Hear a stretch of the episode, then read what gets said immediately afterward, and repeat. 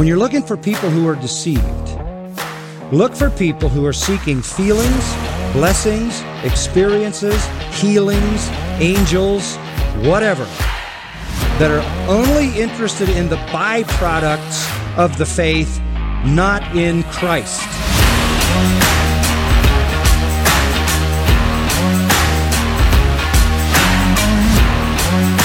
Come out from among them. Run for your life. Because this is about your life. It's not just about an opposing theology or a conflicting viewpoint on Jesus. This is about your life. Run from gospels that focus only on success and prosperity. Run. Run from churches where men and not Christ are glorified. Run. Run. Body of Christ, run. Get out. Run from churches where you're comfortable in your sins. Run from preachers that stand and tell stories and jokes. Run like you've never run before.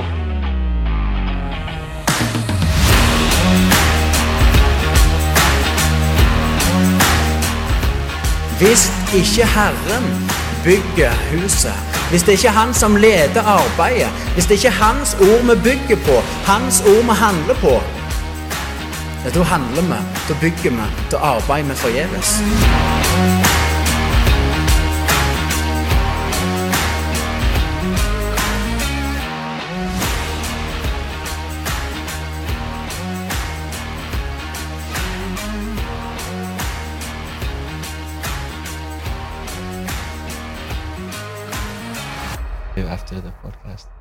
Velkommen tilbake til Reformerte lekmenn. Vi er midt i en drøs her med noe heavy metal-musikk. Men det,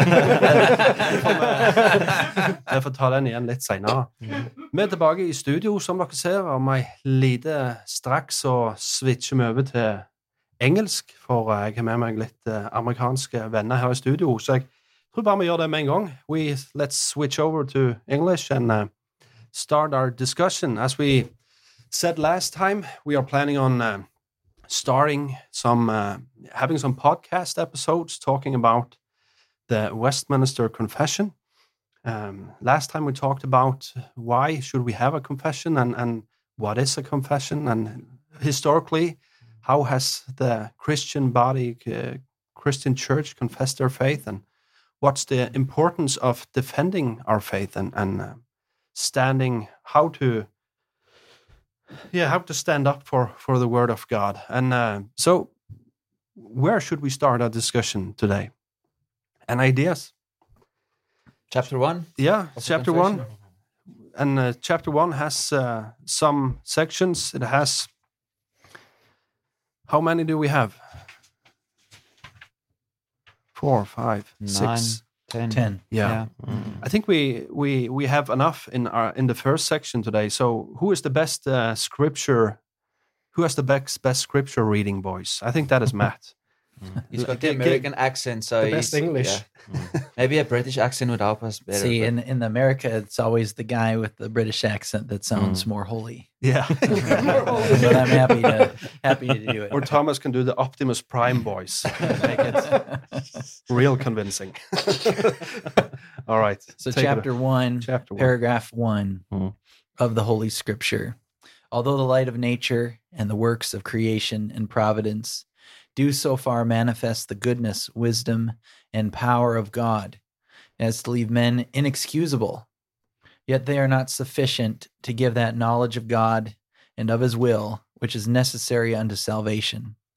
Therefore, it pleased the Lord at sundry times and in diverse manners to reveal himself and to declare that his will unto his church, and afterwards for the better preserving and propagating of the truth, and for the more sure establishment and comfort of the church against the corruption of the flesh and the malice of Satan and of the world, to commit the same wholly unto writing, which maketh the holy scripture to be most necessary those former ways of God's revealing his will unto his people being now ceased. Hmm. Well, to start us off, uh, one thing I I want to mention one thing that is very interesting and, and how regarding how this confession begins, Mm. it actually begins with epistemology. How can we know what we know?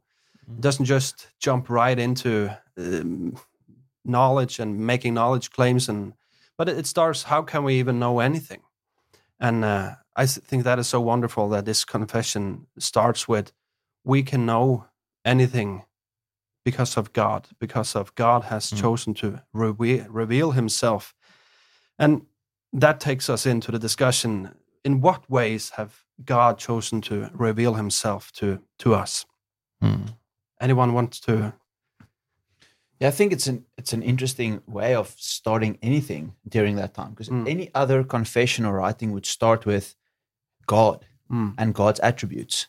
And I think it's really interesting to see the confession starting with scripture and not with Mm. God. God is in the second chapter where it speaks on God and God's attributes, whereas any other writing, if you read anything else, um, systematic works during the time, they would start with the attributes of God and God and then going to scripture. And so that is a very important thing um, that I've noticed in the Westminster. Um, uh, yeah, that's an interesting discussion. Why would they start with scripture and scripture revealing us the knowledge of God, as you've said, instead of starting with God and then going to scripture? Well, while I don't have a, uh, a behind the scenes uh, or up close knowledge of what was going through the minds of the Westminster divines, although I know you want to get the Westminster minutes, Gideon, so we Oh, can yeah. uh, maybe we'll know more. But as I look at this text, the placement of this paragraph in my mind also reflects how they begin the confession itself with the fact that even outside of scripture God has clearly revealed himself to us. But it's going to be with scripture that we then are able to understand specifically who he is and what his will for his creatures is. Hmm, yeah. But we have this this this nod right at the beginning to this idea of general revelation. Yeah. Kind of a way I would summarize even this first paragraph is the first paragraph is saying that God is and that God speaks. That's what they're laying a foundation to. Both God is, he's revealed himself, but he's not just there off in the distance somewhere like the deists would claim that God made the world and then he left it to run on its own. But God also speaks Mm. Into the world as well. And it's important as we be, lay a foundation for our theology and what the Bible teaches to understand both what general revelation means and what specific revelation means and what those things are for as well. Yeah. So I wonder, why don't we just talk a little bit about general revelation? What Yes. is what does the confession say it is, and what does it say it is for? It is talking about uh, the light of nature and the works of creation and providence. So it is interesting to see what kind of proof text they use, because if we we should follow if we should follow the flow of, for instance, Romans one, there Paul starts with when he talks about God has revealed Himself in nature. The visible God is clearly seen through what has been made, and then he goes on in chapter two talking about our nature testifying to to that there is a God that has mm-hmm. revealed himself in in in our conscience by putting his law word on on our hearts. And actually when, when the westminster starts here although the light of nature and the works of creation i think he he is not only talking about nature as in plants and trees but it's talking mm-hmm. about even the human nature testifies that god exists and and um, yeah, that's just to start us off on on that. Yeah, and I think uh, maybe we should Mhm. clarify Mhm. what uh, what are these phrases because we get a lot. I mean, we're gonna we're embarking on an old document Mm. uh, written in old English, and you know we. English today, and I, I can't speak for Norwegian. I'll let you guys speak that. But English today, anyways, has been really watered down and streamlined. You don't get the glorious kinds of words and ideas today that you have that you had back then. But when we come as modern readers to reading the text, sometimes some of the phrases uh, are a little could be confusing if you're starting out. So let's let's maybe just look at a few of these phrases regarding general re- revelation. What is the what does the light of nature mean? Uh, Gideon, I know you've been doing some some study Yeah. on this with your own uh, PhD work.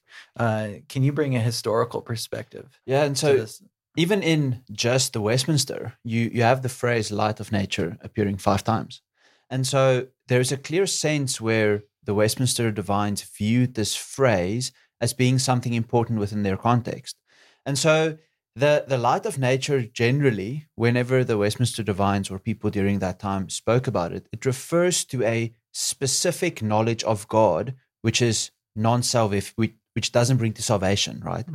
Um, and so when the Westminster and writings during that time speaks of the light of nature, it refers to almost a light that shines into the darkness. If you want to take that picture that is seen in nature. So, for example, Psalm 19, which they quote here, which speaks about the heavens that declare the glory of God, that is a sort of light that reveals God to people in a way that doesn't save them, since hmm. they'll go on to explain how people are saved.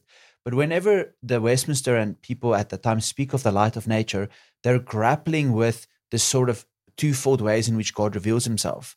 Where in Romans, where it speaks of people not having an excuse, right? That is the light of nature. That is light of nature talks, where when we look at the heavens, when we look at mountains, when we look at the fjords here in Norway, no man can be without excuse that there is no God. And so the light of nature is a phrase that refers to God revealing himself as the creator.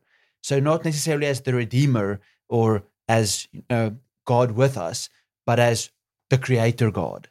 And so that's how the Westminster starts. Is the Westminster starts with God has revealed himself as the creator, the one who created everything that we have and and that is what the light of nature speaks about. The hmm. the revealing of God by means of nature or by, by that which he has created. That's also interesting in light of that, that he says um, that the light of nature and the works of creation and providence do so far manifest the goodness, wisdom, and power of God. So it doesn't necessarily re- reveal anything about his salvific grace that is Yeah. bestowed to mankind through his Son. So just to to the point where you talked about, it shows that it, it testifies to God as a creator. But what does that do for mankind? That they have the knowledge of okay, it isn't the Big Bang theory was wrong, and and uh, there is a God. Okay, so he goes goes on and talk uh, and uh, says, and that leaves man excusable, um, unexcusable. Um, so this actually answers the big question: What about those who have never heard? And that's a very very typical question I have heard for people that yeah atheists. What about the the people's people group in Peru that have never heard? And and uh, yeah, so I think it's it's uh, has a great apologetic nature also to just uh, start at this point and, and saying people are without excuse because God has not only manifested Himself to to Christians but to all men. Hmm. I think it's also interesting with uh, the light of nature that, uh, as you mentioned, also Gideon, it's uh, stated several times in the confession, and you also see it in, uh, I think it's section six. Yeah. Um, and when one reads this, one can think that the light of nature, it, the only function it has is to condemn and to leave No. men inexcusable. But uh, the light of nature also uh, can help us in, for instance, um, uh, with uh, governing our worship.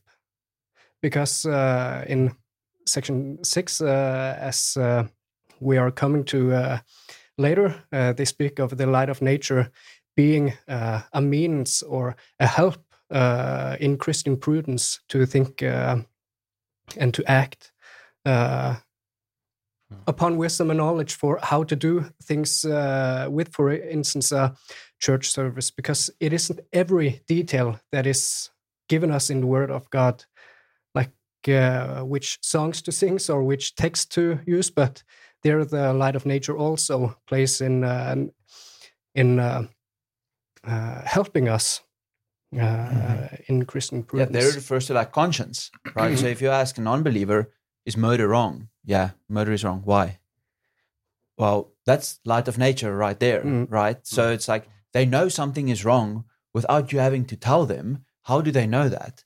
And scripture tells us, which agrees with the Westminster, or the Westminster agrees with scripture, in that the reason somebody knows something is right or wrong without you having to tell them is God's revealed nature, which is just. So they know in the fact that they seek justice, the creator God who is justice himself. Um, and so that's an, another, you know, example of God revealing himself is not just in creation, but also in the conscience of people that they know something intrinsically to be wrong or right, which reflects the nature of the very God who created Mhm. them. And there's an important distinction I think that we need to make here when we see these first two phrases, the light of nature and the works of creation, that the works of creation is the more general idea that the heavens declare the glory of Mhm. God. The light of nature, in my understanding, is speaks more specifically to the human conscience. And an example of that is the Westminster Larger Catechism, question two, which the answer is the very light of nature in man and the works of God declare plainly that there is a God. So Hmm. the Westminster Divines here, again, we use this phrase Westminster Divines, which just means theologians for anyone that's wondering. Well, that's a funny phrase. Um, that they're talking about the light of nature in man, meaning the conscience Mm. you know? I'd be i'd be just curious sometimes it's easy to kind of point externally to the world but for i know some of you came to faith later in life.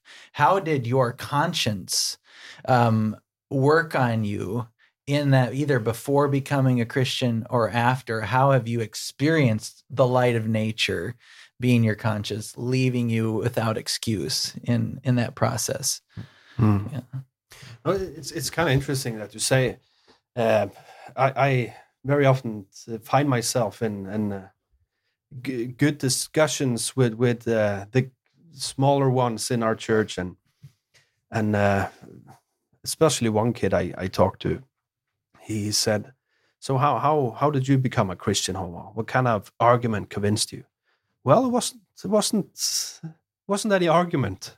It was actually I was convicted of sin, and and so so that's that's a totally different. That's on a different level. When I became Christian, I saw man, there's a lot of good arguments there, but uh, in in in in, my, in the first instance, I I it was the con- convicting that that uh, the word how do you say it um, um, the word uh, the word revealed my sin and worked in my conscience and and so without going into all the details of the story it's it's uh, kind of interesting that you mentioned that Hmm. For me, it was the same. I would say, you know, before I became a Christian, I would go to clubs and bars and stuff with my friends. And then after becoming a Christian, I was like, well, only getting drunk, it's only wrong to get drunk. So I can still go to the bars and go with my friends. But just being there, I had this sense of, oh, it's, it's, I didn't enjoy being around sin as I did before. Hmm. Not, I wasn't, I wasn't sinning. It was just being around blatant sin. And and I've got many examples of that where you go back to things that you did or conversations you had or things you watched before you were a Christian and you try to do them after you become a Christian and it's it's impossible it's almost like it's, there's a very clear sense of conviction and your conscience just cannot allow you to watch those things or to be around certain things. So in a very real sense things that would not have bothered me at all before becoming a Christian afterwards was unbearable. Yeah. Mm. I come from the other side of the spec- spectrum in the sense I grew up in a Christian family, and that's all I've known. Well, uh, as many young people, they go through their phase of seeking the world, but I still believe that I was a Christian through that. And the light of nature, the conscience in me, testified to me that yes, you're wrong. Yes, this is not right. You're doing a bad thing now, and that helped me stop because it always showed back to but why are you doing this this is not a good way to do it this is this is sinful uh, i had the as we'll continue to see i had the the i had knowledge of the word through the word of god already so that informed my conscience, but uh, the conscience is is real. Like Yeah. it'll so some, some of what against you guys have shared has been uh, deals more with the bondage of the will under sin and then the the freedom and liberation of the will with the Mm. coming of the spirit but in this sense i know i've talked to some that have said before they were christian they knew god was there they just refused to acknowledge it Mm. and I think that's what's going on in question one that this light of nature, even if someone says I'm an atheist or I'm an agnostic, I don't know if there's a God or not, that they really do. They just refuse to acknowledge his existence. Yeah. And uh, yeah. Gerstner goes through the Westminster Confession, and he he points to see that the the light of nature, the works of creation, and providence of God, everything that can be seen, is the light of God. And he shows to to John when it says light came into the world, Hmm. but their condemnation was that they didn't want the Mhm. light. Yeah. Yeah. So the problem was not that there was no light, but everybody saw the light, and I want to say all, but many hated it. Mhm. They didn't want the light. They tried to shy shy away from the light. Mhm. Yeah. And that's where the suppressing of the truth comes in, Mm. where Yep. Romans uh, Paul goes Yep. further, and and because of this, God has revealed Himself in, in such a grand way. What what do they have to do with that knowledge in order to continue in their sin? Well, as Paul says, they have to suppress the truth of God in unrighteousness, and and uh, when they do that, God gives them over uh, Hmm. to to their sin. Um, so, but maybe to to uh, if you don't, Matt, if you you want to continue on on the light of nature, or Well, I had uh, just one other reflection. yeah. Uh, Mhm. I think that the Westminster Divines here and opening up the confession are really taking a cue from the Apostle Paul in Romans. Mhm. You know, if you if you learn about the context of Romans, Paul's attempting to, at least most scholars believe this, is attempting to open up a new mission territory. He tells them in Romans he wants to go to Spain. That's his his goal, and he's hoping that the Roman Church can help him hmm. on his way going westward. And he's laying out his whole foundation of his understanding of God and of the gospel in Romans. It's this glorious letter, of course. And what does he begin with after the opening kind of greetings and prose and everything? He begins with this general revelation and then this suppression of general revelation. Hmm. Um, and and so I, you know, not being in the room with the Westminster Divines or reading all the minutes of their meetings, it seems to me that they're very Pauline in uh, that is following Paul's kind of cue in uh, in beginning with the confession. That's one of the things I appreciate about the confession is it's really modeled after the apostles and what they're how they're thinking the, their theological framework is in Mm. informing Mm. the confession it's this idea that god god is he's revealed himself to everyone but then we have to understand why people are suppressing it and he go, he goes on Hmm. from there. But yeah so we get general revelation to begin with but then we transition yeah, to the need for something better. Yeah, yeah. Because what the confession continues to say is that men are left unexcusable, yet are they not sufficient to give that knowledge of God and of His will, which is necessary until salvation. Okay, so we need something more. Mm. We need something more than general revelation. Mm. We need some more, uh, something more than the light of nature. We can understand that there is a God, but what God is it, and and what? How can we come to Him?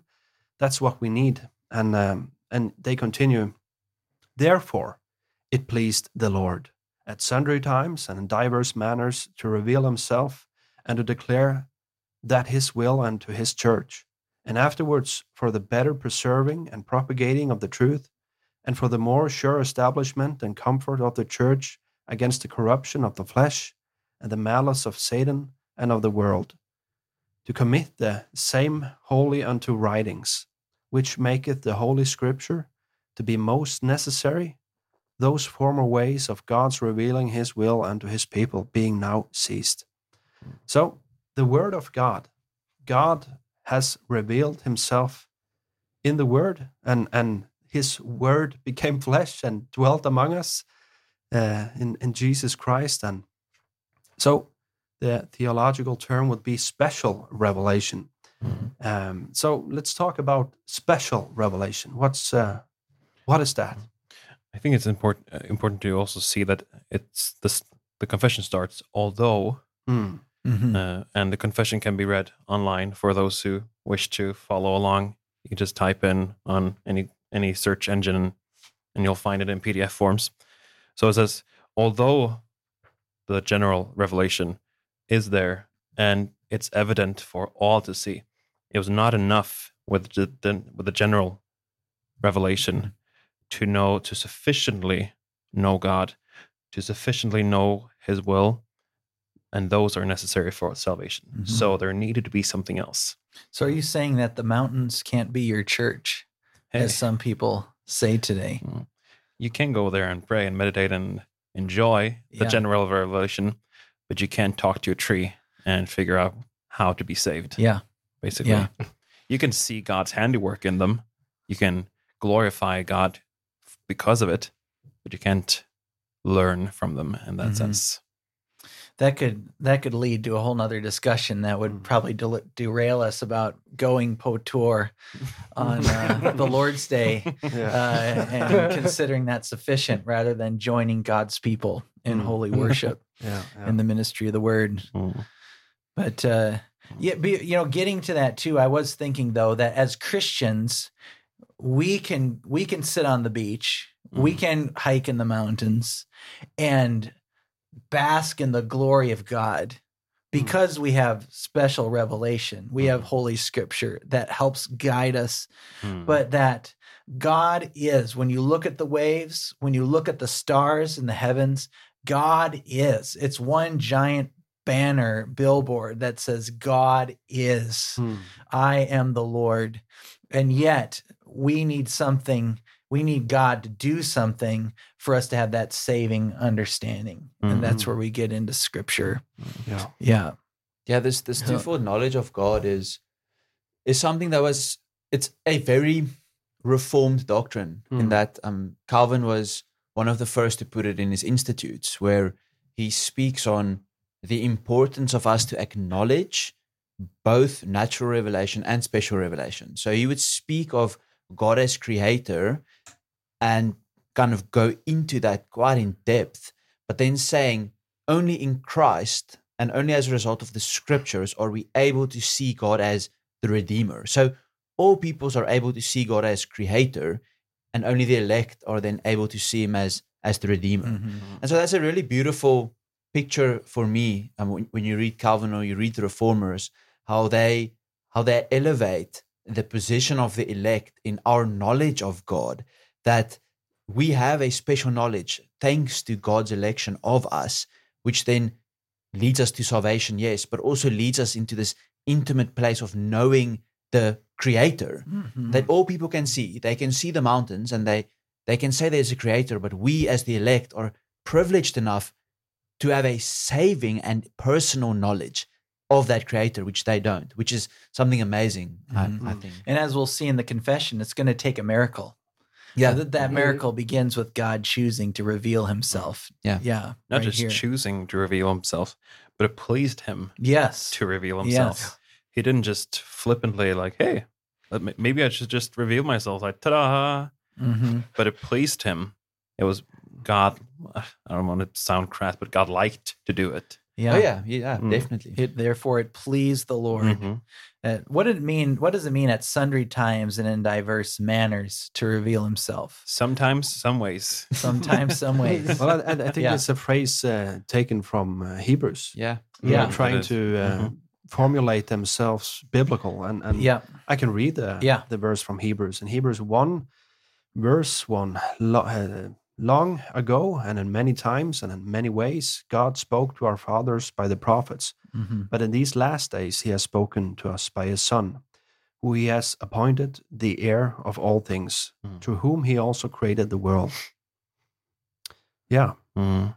So uh, using biblical ter- terminology here, and and uh, and this also leads in, into something else uh, that I, I think we can postpone a little bit more. But uh, Mhm. I, I think uh, by what he is by by how they are formulating themselves here, I think there is a kind of a jab to both the Catholic Church and also to to more of the charismatic movements, uh, maybe. But uh, I think and historically the Anabaptists Yeah. of the time. Yeah. What do you mean by that? How did you flesh that out? No, no, because because the Catholic Church very heavily leaned on the that Christ through his prophets, uh, through Mm. his apostles, Mm, verbally communi- communicated yes. truth that has Mm. been delivered through generations. Mm, And in order to know what that truth truth is, it is preserved within the their church Mhm. community and, and with their leaders. mm, And and but this says, and afterwards for the better preserving and propagating of the truth, and for the more sure establishment and mm, comfort of the church against the corruption of the flesh and the malice of Satan and of the world. So to to say that as the Catholic Church has done for many hundred years is that that is not only the word that is uh, God has given us, but He has also given us the tradition that is Mhm. delivered from the apostles and and over to the popes and yeah, and, Mm. and that becomes Whatever the Pope says is Yeah. is. Well, Hmm. if you if you read Calvin's letter to Cardinal Sadoleto, some say Satellite, some say Satellito. If you want to know what the Reforma- the heart of the Reformation was all about, read that letter. It's worth its weight in gold. And the funny historical background to it, Gene- the Geneva Council had kicked Calvin out of Geneva. But then the Pope tries to win Geneva back to the to the Roman Catholic Church. And so they have nobody they feel that can defend Geneva against the Pope. So they ask Calvin, who they kicked out, to write this letter. So just imagine being Calvin in that moment. but at any rate, as he's writing this letter to Cardinal Sadoleto, uh, he in the context of his argumentation, accuses both the Roman Catholics and the Anabaptists of the same error. Both are placing the wisdom of man Hmm. above Scripture. Yeah. Okay, so Mhm. on the Roman Catholic side, they believe that the Pope was th- that the literally the Apostle Peter was speaking through the popes successively as one pope follows after another. That when they spoke officially, it was as if their mouth is the mouth of the Apostle Peter. Mm. That's why the location of Rome is so important for them. So they believed in this progressive revelation that continues beyond the Old and New Testament through through the the mouth of the popes that would follow after that, and it Mhm. became this other canon, this uh, this Mhm. body of uh, canonical literature that they believe that was just as important as Scripture. That's where doctrines like purgatory and, and so forth, and the Immaculate Conception and other things come from. Mhm. Is this deuterocanonical kind of ongoing apostolic, uh, as they think, papal tradition? Um, on the so anyway, so they're saying, well, yes, they believe yes, God's word is infallible, it's inspired, but so there's a but, but we also have this ongoing revelation Hmm. that's necessary.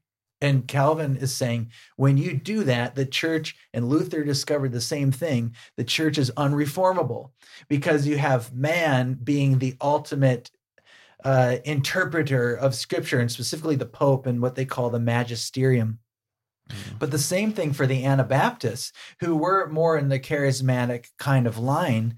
They believe that actually scripture's good, but what's really important is God speaking directly to you. So they believed in this inner light idea, almost as if the light of nature could give a special revelation, not just general revelation.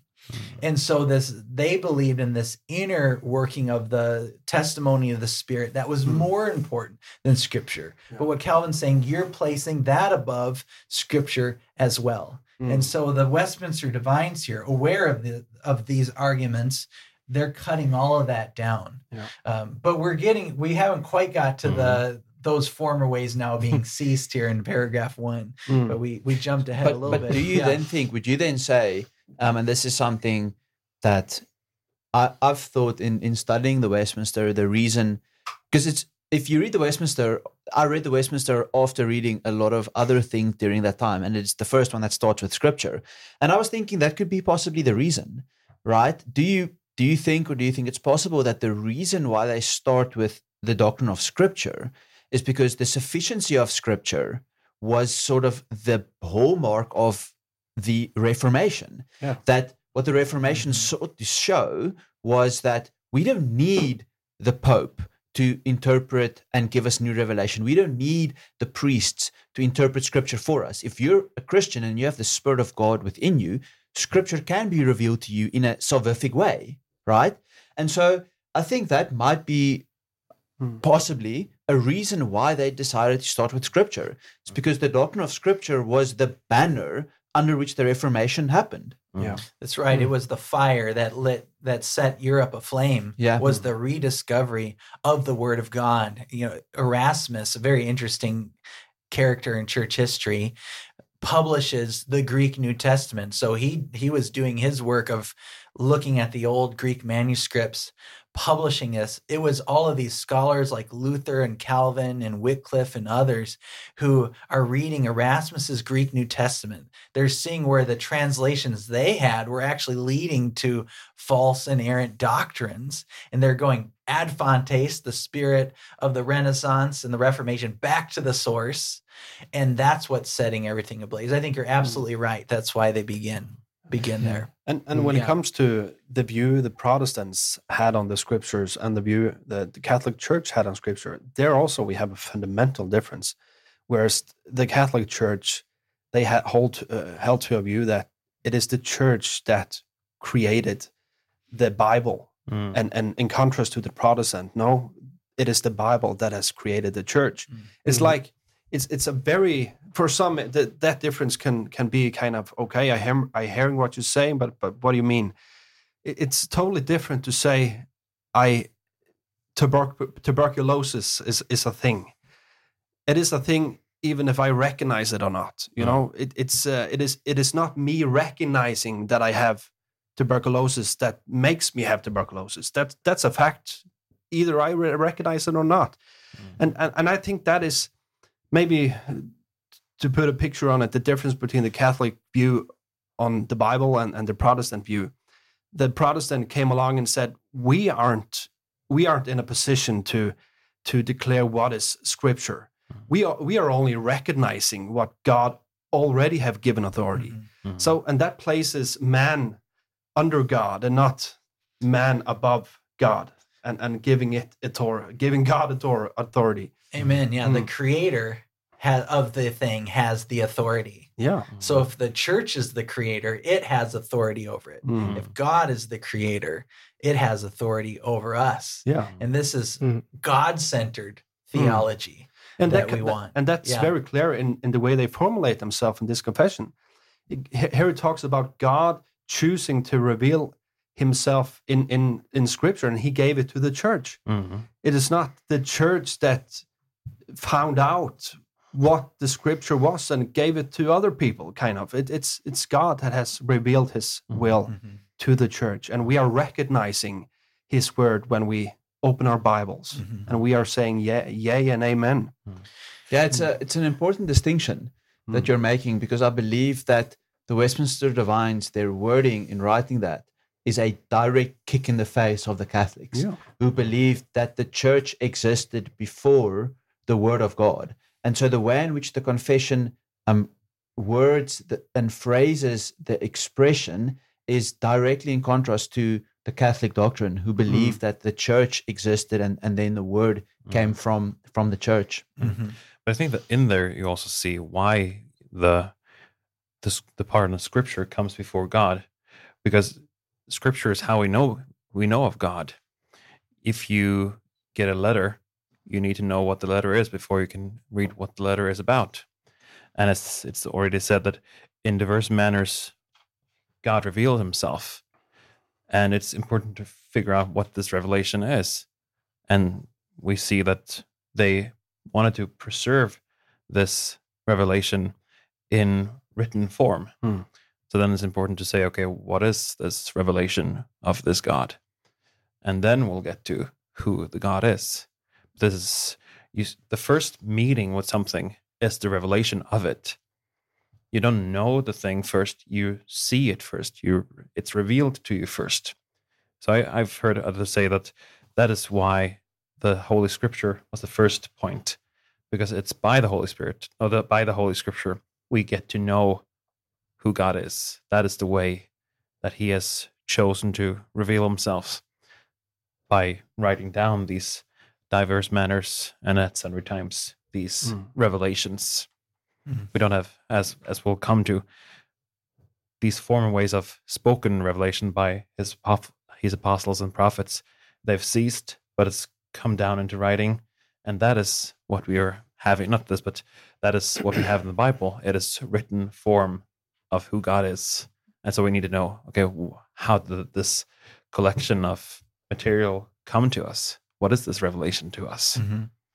Well, oh, sorry, Thomas. Yeah, I was uh, just going to say is on uh, uh, kind of the same track as uh, you mentioned, Peter, that uh, the will of God and uh, is revealed to us in Scripture uh, unto holy writing, uh, and it is because of the better preserving and propagating of the truth of Mhm. God and His will. Because uh, when you have uh, God's will written down uh, through the time, we have something that is steadfast and cannot be moved. Instead of uh, if it depended on human uh, humans uh, just giving the message on and on and on in generations, we could uh, see that the details of the story or of the will of God might change from person to person. Like Mhm. when we also Mhm. speak or give uh, messages, uh, hey, can you say this to him? We might, uh, as the second part of that, Mhm. uh, add some things or delete some things from the message, but he uh,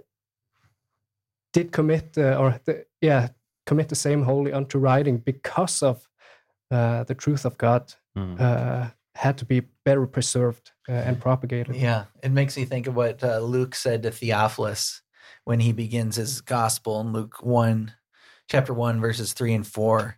So Theophilus is probably a patron, someone that's supporting Luke, who's writing Luke and Acts. Just think of it, this guy is supporting Luke to write 25% of the New Testament, which is about the the size of Luke and Acts put together. And and Luke is writing to Theophilus. It seemed good to me, also having followed all things closely for some time past, to write an orderly account for you, most excellent Theophilus, that you may have certainty concerning the things you have been taught. Mhm. That that's that Scripture has that benefit to give and transport certainty to its readers. Mm. And that, you know, as we kind of round out this first paragraph, I love how practical the the confession gets at this point. What are the purposes for which God gives holy scripture? We mentioned one of them for the for the better establishment, sure uh, propagation of the truth. Mm. But but what are the practical benefits of scripture that we're given here in this chapter? Or this first paragraph, I should say. It also helps us against the corruption of the flesh, Mhm. the malice of Satan. And so, you know, it's And of the world. end of the world. Mm. Yeah. So the three kind of chief enemies: the world, the flesh, and the devil, as Yeah. as it's put to Mhm. to combat. So is that something we need to be thinking about? That your your mom in the kitchen or your dad, a dad can be in the kitchen here, I guess too. But um, you know, the butcher, baker, candlestick maker, whoever it might be. Do we need to be worrying about this? Hmm. Uh, come are the world, the flesh, and the devil, or is Yeah. that just thing that theologians need to? Well, if Jesus about. combated Satan in the desert when he was hungry, so uh, you could say that was the flesh, right? I mean, yeah, And the hunger. If I'm hungry, I, the flesh definitely seems Yeah. to speak loudly. but if if Jesus used Scripture to combat the attacks of Satan, then we definitely need to do the same. And so I think that's a Mhm. great question, Matt.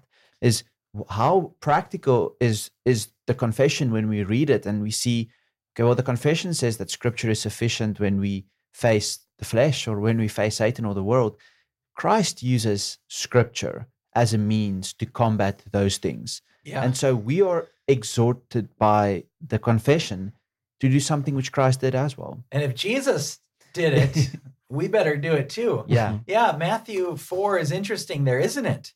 Because Mhm. when Jesus is in the desert and and three times he's tempted by the devil, every time he cites scripture, uh, Deuteronomy specifically, like Matthew 4 4, when he says, It is written. And I love this. This is like the, for, for, FPC for First Pres, this is like one of our core verses.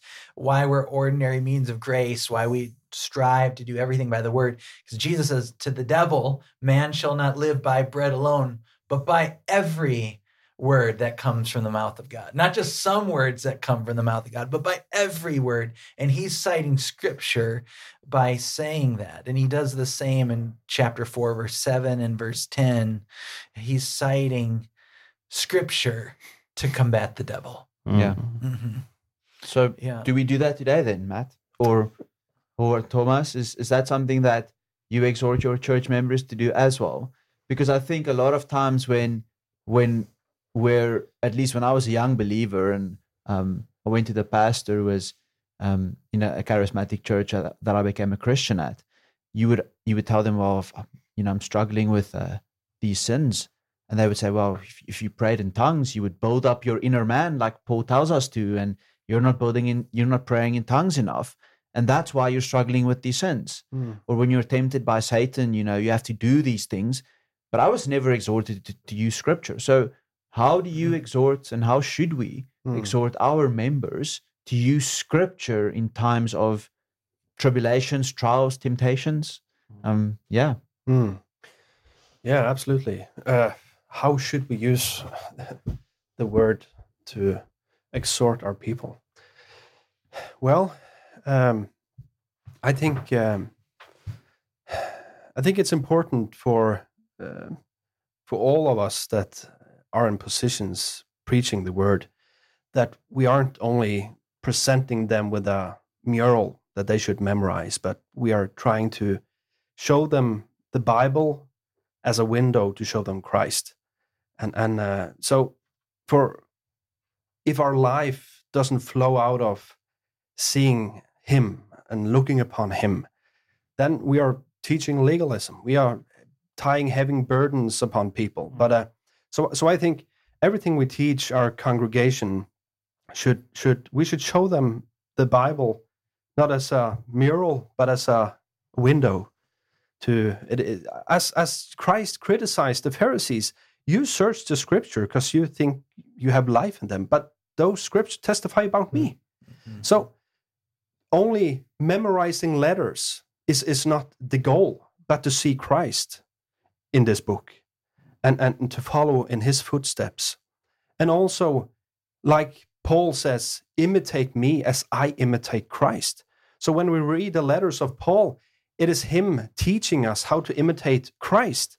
So all our life has to flow out of look upon Christ, Ha- ha- have your sight uh, lifted upon him. The joy in the Lord is our strength. There, it, it's it's from looking upon Christ we are transformed from one uh, from one degree to a glory to, to the next, as, as is written. That that's my two cents. But it's in the scripture, Yeah. the New Testament, where that's revealed. Yeah. Right. That's what the apostles wrote about. Hmm. You know, uh, uh, to me, the the the section of scripture that stands out on this point and the point you asked gideon is ephesians 6 when paul's talking about the spiritual battle that every christian faces and the one offensive tool we're given is the sword of the spirit which is the word of god. Yeah. so that is our offensive weapon. You maybe could argue that prayer is also that offensive weapon. Know, as he goes on to say and pray in the spirit at all times. But it's the word of god uh, that is the weapon by which we do battle with the Mhm. spiritual forces in the heavenly places. And from the pastor to the to the young child in the church Mm. we all are in that same spiritual battle and Mm. so we have to follow jesus' example of holding the word of christ in our hearts and in our minds to the degree that Mm. when the moment of temptation comes, we can quote scripture Mhm. back to the enemy and we can use scripture Mhm. in the day of battle and to stand firm in it. And just just if we should take an example, since you mentioned Ephesians, just to take an example on how Paul exhorts the Ephesian church and how he applies uh, biblical admoni- admonitions to to that church. It, Ephesus was, yeah, you can argue that Ephesus was the church, the capital, in, in, in the midst of the capital of idol- idolatry and, and Asia Minor, where we read in Acts um, that one of the good businesses in Ephesus was making idols. To what was she called again? Like, what was the big Ephesian I, I, idol? Artemis. Artemis. Yeah, thank you. And and it's it's interesting to see of everything Paul could have said to that church. It's like, well, you got to really go up to to the king's palace and demonstrate and and uh, yeah, do everything you can. Go into the streets and and pro- protest. Um, protester. How, how do you say it? Protest. Yeah, Protest. protest. Mhm. Um, but it's so interesting when uh, after you come to the, the chapter before Matt mentioned, chapter five. How how does he say? How shall you defeat the evil? Men love your wives, and wives submit to your husbands. Children obey obey your parents. And I, I think that is so powerful because we, we always we, we I think we look uh, we see that as small things. Yeah, yeah, I know that, Paul. But but give me the real stuff, you know, because these are big dragons out here, you know. And we, we need sharper uh, weapons than than just love your wife. No, Mhm. love your wife, and and kids obey your parents, and and wives submit to your husbands. That's how my kingdom triumphs in this world. To faithful families. and to connect it to scripture there too the the analogy as as christ gave himself up for the church Mhm. and loved her washing her Mhm. with the word Yeah. so again it's the word of god that jesus uses Mhm. to sanctify us and to to save us and to conform us to his image and he, he goes on in, in chapter 5 to say let the word of christ dwell in you richly singing and he talks about psalms hymns and spiritual Mm. odes and uh, singing the word Yeah. Uh, yeah And that's Mhm. also a way of making war. You see in the Old Testament, always when God sends his people out, the, the the choir The choir the way leads- the leads the way. choir so we should really see what kind of weapons Paul lays in front of us, Mm. the word and, and obedience to it, and, and having our joy and, and joy in the Lord and singing his word, Mm. as we like to do. and that does establish and comfort the church Mm. as Acts says the word the word of God prevailed mightily and the word couldn't prevail mightily in our churches now if we didn't have the word Yeah.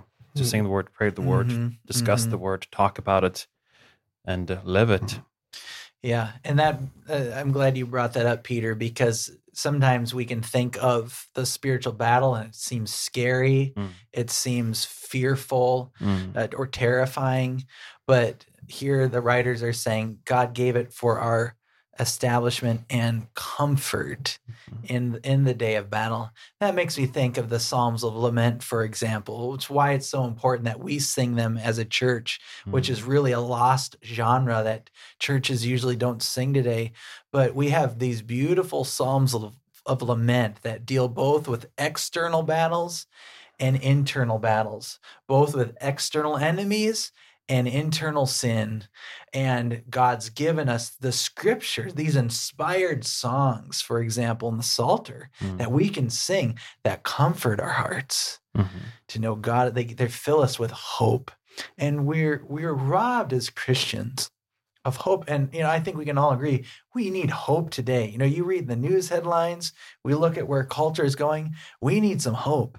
And we rob or starve ourselves of hope, of security, of solidarity when we refuse to eat the word, to, to nourish ourselves Mm. with scripture. Amen. It's this glorious meal. Mhm. And what what do we want? We want McDonald's, fast food, and stuff that won't satisfy, and stuff that will in the end kill us. Mhm. Yeah. Mhm. I think that says that it- it does says that this was most necessary. It was totally necessary because Mm. we don't have Paul here, we don't have Peter, we don't have Luke, David, Moses.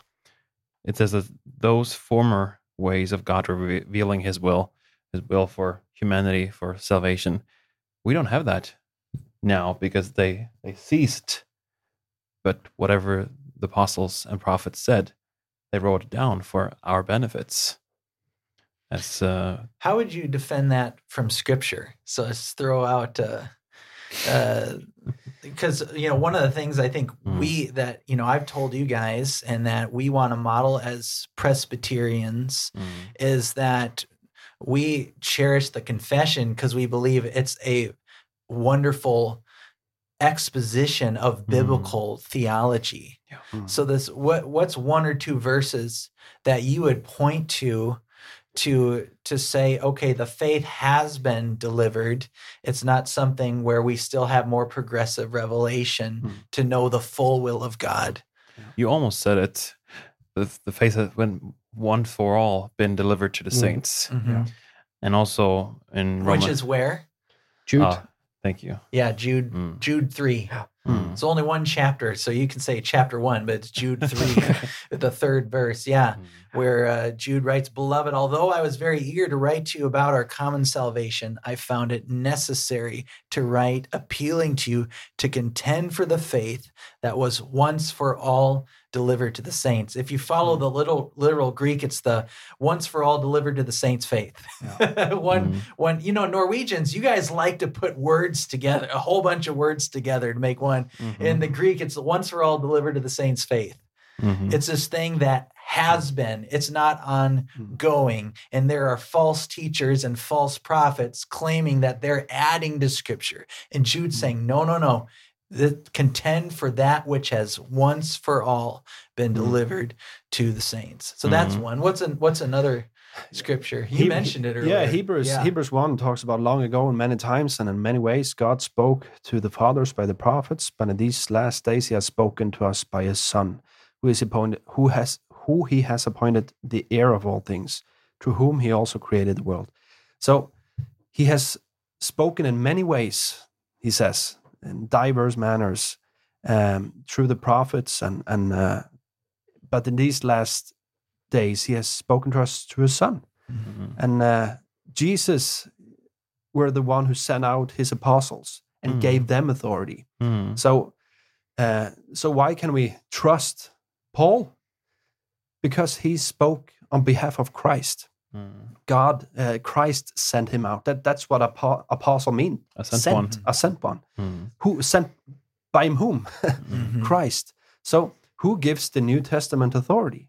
Christ. Mhm. Why should we listen to John? Because of Christ. Why should we l- listen to Jude? Because of Christ. Mhm. And why should we trust the Old Testament? Because Christ did. Mm. So, why do we believe the Bible? Mm. Because of Christ. Mm. He testified to the Old Testament and he gives authority to the New. And, and so that's an easy way to, Mm. to just uh, root it down. And why do we believe this book? Because Yeah. we believe in Jesus. And to That's play play off that in Romans fifteen four, it says, Whatever was written beforehand was for our benefits and for our hope. Or as it's quoted here, for whatsoever things were written aforetime were written for our learning, that we through patient and comfort of the scriptures might have hope. Mhm. And this hope, as you mentioned, is what we we lack today. But this hope will establish us and will comfort us Mhm. through the battle against the devil, the world, and the flesh. Amen. Mhm. Yeah. Amen. Yeah, and I, I think also an aspect of this uh, we we should talk about. Uh, I know maybe we are closing up on one hour, but uh, yeah, Yeah. the technician says yes. But I think it's an important thing to say because because uh, I don't know when this document was written, it was as prevalent as it is today, but uh, it is very prevalent today, and that is we have some char- charismatic movements that uh, aren't so afraid of saying "Thus saith the Lord." Mhm. And my question is, well, why aren't you writing it down? Why aren't you putting in a in, into your Bible? And and they are trying to make a new category for the Word of God. And and how should we? What should we think about that? Is should should we? Is is it okay? Thumbs up. You go, girl. Kind of. When when they say, "Thus says the Lord," how, how does the Lord speak through us in that way today, as He did to Paul and as He did to Peter? I think what the, the confession in this paragraph ends on speaks directly to that. Mhm. That He hasn't um, spoken in that way in, in these times. Um, his people being, uh, how do you say, it? Holy Scripture to be most necessary, those former ways of God revealing his will unto his people being now ceased. Yeah, it's a, well, it's a vital topic, and it's a can, and This might bleed over to the next uh, Yeah. next discussion, but I mean, you Mm. got guys like Bill Johnson or proponents of the New Apostolic Reformation Mm. standing up and claiming to be capital A apostles. They're anointing other people as capital A apostles, believing God is Mm. speaking fresh revelation to them. But Scripture is very clear on this matter. The faith has been once for all delivered to the Mm. saints. Um, moreover, I mean, you could look at errors in every one of these people that are claiming to be prophets. And if you go back to Deuteronomy 18 15, Mm. what's the mark of a true prophet? Uh, the mark of a true prophet is what he says actually comes to pass. Mm. And people today are saying they're prophesying and they're they're just, you know, they're they're very very mixed reviews on whatever and usually whatever they say is coming to pass is it's all chicanery it's all it's all games So you're, ta- you're Uh, saying we should stone them, like Deuteronomy says we well, should. well, that's what Deuteronomy said. I'm not saying that's what we should do today, We but should that's whip, the maybe some whips. yeah, but that's the the, spirit, the spiritual implication and the spiritual reality of a false teacher is they will kill you. yeah. Mm. They will kill you, and that and you read virtually every New Testament epistle is calling out some kind of false teaching. Yeah. Uh, and saying, "Watch out!" They calling them wolves, Mm. uh, those that are deceived, those that will lead you astray, those that masquerade like the devil as a- an angel of light. You know, Paul is warning, and Peter and the others are warning again and again against false teachers. The common commonality with all false teachers is they're adding revelation, saying God says dot dot dot. Yeah. Mm. yeah. Yeah. And scripture in the New Testament could not be more clear Hmm. about the error. But again, it goes back to the philosophy of the Word of God. If you believe that God's Word is sufficient as itself attests to, you don't need these other things. Which is what we'll get to. But if you t- go hmm. the Roman Catholic route or the Anabaptist charismatic route, where inner light or more additional revelation is more important, that's the real hmm. secret knowledge Yeah. that's the real good stuff, Hmm. you know, then we can't help you. Hmm. We can't help you because you're already walking away what script from what scripture itself bears witness to. Yeah. Now, I mean, this we'll get to probably another discussion. This what I would argue what chapter one is is saying. It's not saying that we can't feel the Lord moving us in a direction Hmm. or to do this. Uh, to you feel like I feel God calling me to do X, Y, or Z. I believe because we have the Spirit that Hmm. God leads us, but the Hmm. sign of God leading leading us is always pointing us back to Scripture. Mhm. And if you say something like, I feel the Lord leading, you're not saying, Thus says the Lord, where you infallibly know what that nudge in your heart is. Yeah. So God still is active in his people, giving spiritual gifts. He's Hmm. active in leading and guiding us And answering prayer. and answering prayer. Mm. Absolutely. And I think sometimes reformed people get accused of saying if you if you believe revelation has ceased, then you mean all that stuff has ceased. That's not the case. No. But what has ceased is we can no longer infallibly say, well, God told me or To tell you. Thomas, God told me to tell you Mm. dot dot dot. What arrogance Mm. for us to live that way. But And we- I, yeah. I think it's so interesting also just in the last book of the bible revelation when when uh, christ himself writes a personal letter to seven churches and and the letter to ephesus he writes i know your works your toil and your patient endurance and how you cannot bear with those who are evil but have tested those who call themselves apostle and are not and found them to be false Mhm. and and it's just of of, of everything christ could have said to them that is something he holds up Mm. you you don't bear with people that say they speak on my behalf. And and that's like like a red line that goes through the whole Bible. Mhm. Jeremiah 23, God says to, to, to Israel, I can't bear these prophets that that says, Thus says the Lord. But they if they really stood in my counsel, they would have spoken my word. Mm. But they are only speaking their own dreams. And and much of that is what we see today also. Yeah. We, we have many people that that uh, rise up and w- with loud voices and, and in front of great congregations and they say thus says the lord and i had a dream and so forth And I would just like to repeat what what God says in Jeremiah. If you really stood in the counsel of God, you will let God's people hear His word. Mm. Um, Mhm. Amen. Amen. Yeah. Yeah, I, I- I think we will continue this Yeah. discussion because this discussion will, will go into the next segment in, in the confession also. But uh, we had a good discussion Yeah. today. We are really putting putting the fun back in fundamentalism. It's, it's, it's so uh, all right. Yeah. I think uh, yeah, I think thank you everyone Yeah. for joining us today. And now I'm switching over to Norwegian. So uh, we can have those two two guys that are still with us that haven't still understood what we were talking about. At least they understand. Now I'm saying goodbye. Okay. Ja vel, da takker jeg for en, eh, en eh, gild episode. Eh, vi vil fortsette arbeidet vårt gjennom denne her bekjennelsen.